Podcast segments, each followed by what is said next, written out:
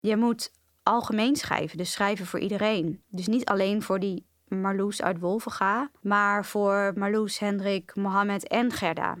Tegelijk. En alle mensen die daartussenin zitten. Op je communicatieopleiding ben je ermee doodgegooid waarschijnlijk. En ook nu in je werk als communicatieprofessional hoor je het van alle kanten. Doelgroepgericht schrijven. Dat is hartstikke heilig in marketing- en communicatieland. Maar van mij mag je doelgroepgericht schrijven helemaal vergeten. En jij hebt er echt geen drol mee te maken. Hoe dat allemaal zit, dat hoor je in deze aflevering.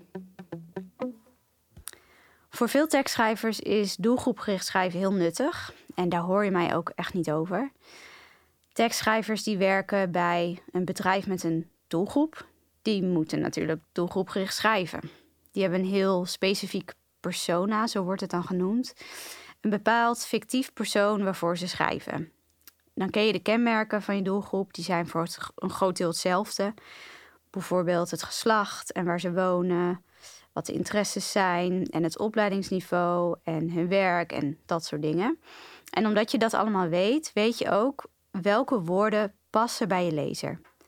En welk taalniveau bij zo iemand past. En wat je dus precies moet schrijven in vorm en inhoud. Om je lezer aan te spreken en ja, iets te verkopen of wat je dan ook van hem wil. Begrijpelijke taal is voor die mensen niet het allerbelangrijkste. Um, ja, die houden zich vooral bezig met de taal van hun doelgroep, die tekstschrijvers. Dus uh, doelgroepgericht schrijven is dan belangrijk. Helemaal dik prima, maar als je um, ergens anders werkt waarbij je een breed publiek hebt en de focus hebt op begrijpelijke taal, dan mag je doelgroepgericht schrijven vergeten. Om dat wat meer toe te lichten, eerst nog even wat over begrijpelijk schrijven. Misschien twijfel je of dat bij je past en of jij daar inderdaad de focus op zou moeten hebben. En of je voldoet aan die kenmerken die ik net noemde, of je een breed publiek hebt en ja, of begrijpelijke taal inderdaad het belangrijkste voor je is.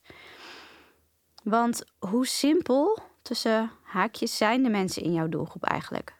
Je wil ze natuurlijk niet onderschatten. Misschien denk je eenvoudig schrijven, dat is toch meer iets voor organisaties die met uh, verstandelijk beperkte mensen werken of zo. Of met laaggeletterden, of mensen die onze taal net leren. Moet je zomaar voor iedereen simpel schrijven? Ook al zijn lezers slim en wel bespraakt en hoog opgeleid.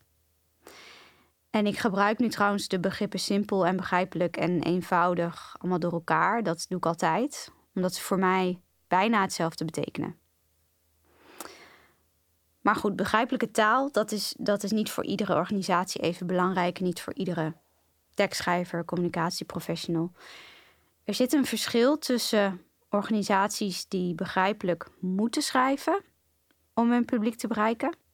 En organisaties die dat kunnen doen. Snap je? Dus hoe belangrijk eenvoudig schrijven voor jouw organisatie is, dat hangt allemaal af van je publiek, van je doelgroep. En de regel om te bepalen hoe belangrijk simpele taal voor jou is, die is hoe breder je publiek, hoe belangrijker begrijpelijke taal. En zo is het ook andersom. Hè? Dus hoe smaller je publiek of hoe uh, specifieker je doelgroep, hoe minder belangrijk begrijpelijke taal is. En breed heeft trouwens niks te maken met uh, hoeveel mensen er in je publiek zitten. Niet per se, of uh, met hoe breed die mensen zijn. Aantallen die, die maken eigenlijk niks uit. Hoewel je wel vaak ziet dat bij een breed publiek vanzelf ook grote aantallen mensen horen. Maar dat mag je even vergeten. Het kenmerk van een breed publiek is dat er allerlei soorten mensen in zitten. Jong, oud, man, vrouw, verschillende afkomst, opleiding, regio, achtergrondkennis.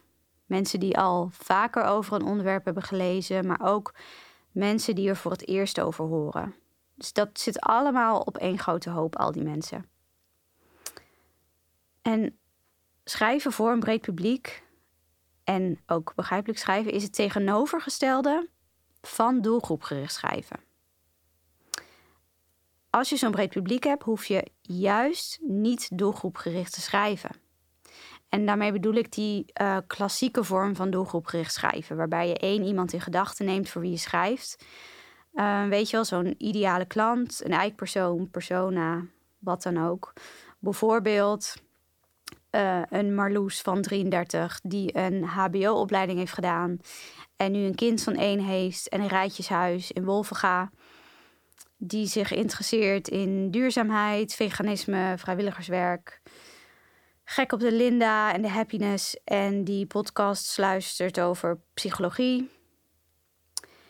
In de marketing is het hebben van zo'n eikpersoon als die Marloes... is echt de manier om te bepalen ehm, ja, voor wie je schrijft... en op welke manier je dat doet. Zodat je schrijft op een manier die perfect past bij die ene persoon. Zodat diegene zich voelt aangesproken en uiteindelijk iets bij je koopt. Maar dan jij, met je brede publiek. Jij mag alles wat je ooit leerde over doelgroepgericht schrijven vergeten. Voor jou is het dikke onzin. Ehm, en ook als je op een marketingafdeling werkt trouwens. Zolang jij werkt voor een organisatie met een breed publiek, weet je niks of heel weinig in ieder geval van je doelgroep. En dat is ook precies jouw uitdaging.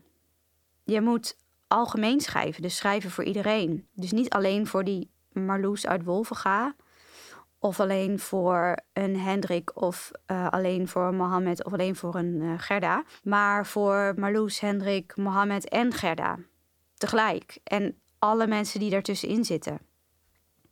En natuurlijk hou je tijdens het schrijven altijd uh, rekening met je lezer. Dus je vraagt je bijvoorbeeld af: wat is voor hem of voor haar de belangrijkste boodschap? En wat is handig voor hem of haar om te weten en wat kan ik weglaten? Dus als je het zo bekijkt, schrijf je ook voor een breed publiek wel doelgroepgericht. Alleen doe je dat niet op die klassieke manier met zo'n eikpersoon. En je op de doelgroep richten heeft hier, ehm, als je een breed publiek hebt, heeft niks te maken met uitvogelen wie je lezers zijn. Want daarvoor zijn ze gewoon met een te grote groep. En dat is niet te doen. Wat je wel doet, is rekening met ze houden. En je verplaatsen in de algemene persoon. En nou, hoe, die, hoe dat zit, daar ehm, vertel ik je ook nog even iets over.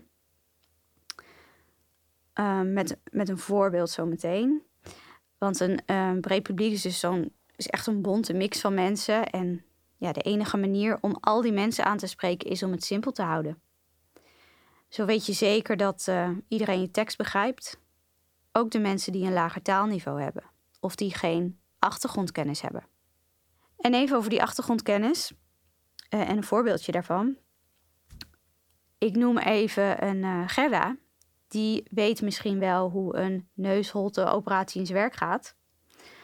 Um, omdat haar neef die toevallig heeft gehad. Maar een Hendrik en een Marloes en een Mohammed... die hebben geen flauw idee, want die hebben dat nog nooit meegemaakt. Of erover gehoord. En um, zelfs een Gerda die, die vergeet na een tijdje hoe zo'n operatie ook weer ging. En als jij dus als ziekenhuis uh, bijvoorbeeld een brief schrijft over ontstoken bijholtes en hoe de arts die behandelt, dan kun je niet uitgaan van achtergrondkennis van je lezer. En een ingewikkelde medische tekst schrijven in plaats van een simpele uitleg geven, dat heeft dan een verkeerd effect. En een onervaren neusbijholte patiënt als een Hendrik, die heeft na het lezen nog steeds geen idee wat hem te wachten staat. En zo'n persoon die wordt alleen maar zenuwachtiger. Kortom, jij hebt geen idee wat mensen al weten over het onderwerp van je tekst. En met een breed publiek heb je nooit de tijd en het geld en de mogelijkheid om voor iedere lezer een aparte persoonlijke tekst te schrijven. Natuurlijk, sommige teksten die gaan naar één persoon tegelijk. Ehm, zoals brieven en e-mails. En ja, die zijn een soort van half persoonlijk. Uh, en wie weet pas je die tekst daarom ook uh, per, per brief of per e-mail aan op de situatie van de ontvanger. Maar ja, wat weet je nou uiteindelijk van die persoon? Um, echt persoonlijk zal het nooit worden. En je wil ook geen aannames doen over wat iemand begrijpt of wat iemand heeft onthouden van de vorige keer. Dus uiteindelijk kom je toch weer bij die algemene teksten uit. Zie je, schrijf nou maar gewoon begrijpelijk, een begrijpelijke taal, gewoon altijd. Zodat je zeker weet dat iedereen je tekst begrijpt. En dat je tekst doet wat hij moet doen en dat je lezer ook doet wat hij moet doen. En het kan zijn, dit hoor ik nog wel eens van klanten, dat je bang bent dat je dan de mensen irriteert die wel veel over het onderwerp weten of die ehm, heel slim zijn en heel wel bespraakt.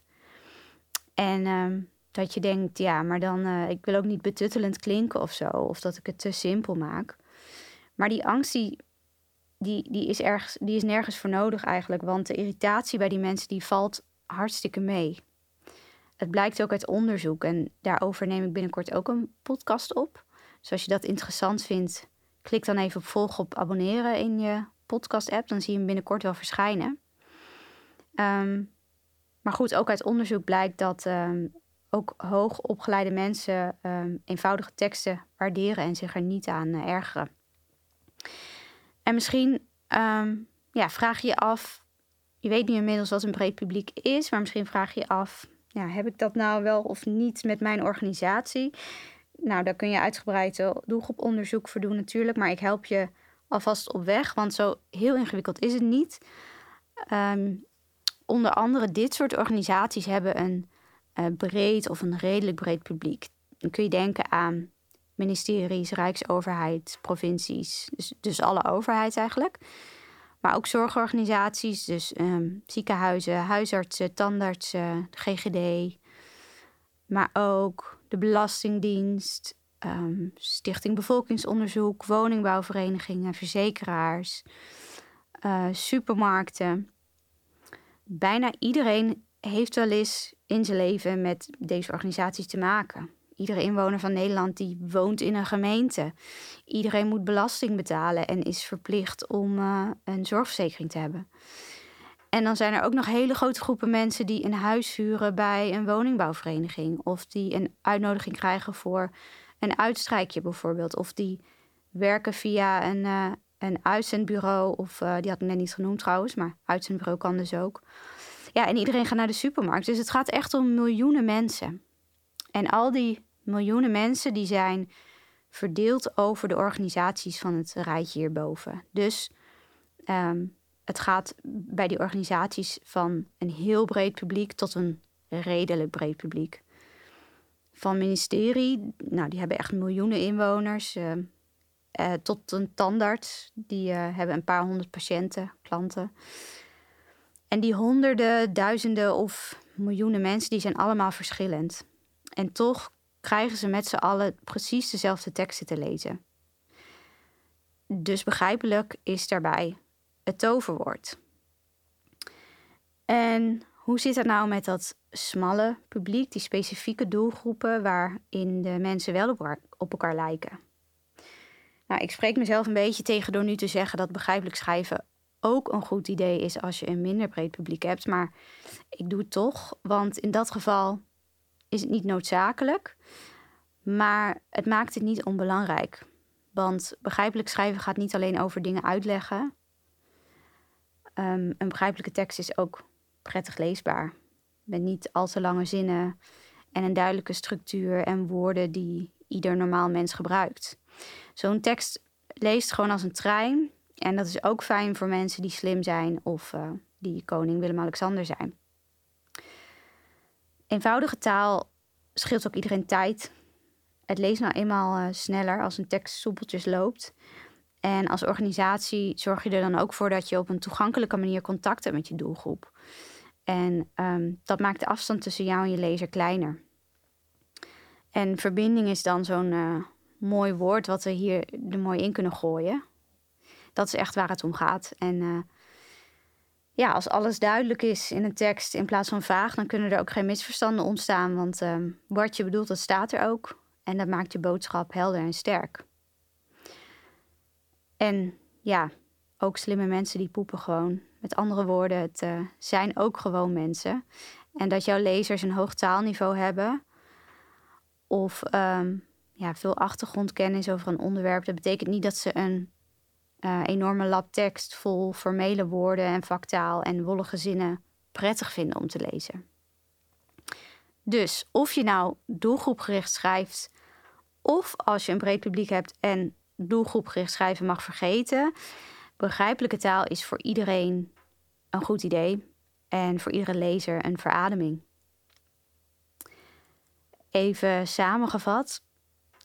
Als jij alles weet over de personen voor wie je schrijft en daar allerlei kenmerken van kan opnoemen die voor iedereen in je doelgroep gelden, dan is doelgroepgericht schrijven voor jou hartstikke logisch. En of je dan wel of geen begrijpelijke taal gebruikt, dat is aan jou, maar het is niet van levensbelang voor jouw teksten. Maar als je niks weet van de mensen voor wie je schrijft, omdat je een breed publiek hebt, dan is doelgroepgericht schrijven voor jou dikke onzin en dan mag je het helemaal vergeten en dan moet je toch echt algemeen gaan schrijven. Dus begrijpelijk gaan schrijven. Dat begrijpelijk schrijven, hè, dat kan nog best wel lastig voor je zijn. Uh, en daarom help ik je er graag bij. In mijn uh, halfjaarprogramma werk ik dan één op één met je samen. En dan zorgen we er samen voor dat jij verbinding met je brede publiek maakt. Via begrijpelijke, heldere teksten. Kijk even op vet-simpel.nl. Dat streepje is een middelstreepje en geen lage. En druk daar op de grote oranje knop. Dan uh, plan je een gratis gesprek in mijn online agenda. Vergeet ook niet om je te abonneren op deze podcast via je podcast-app. En tot de volgende aflevering.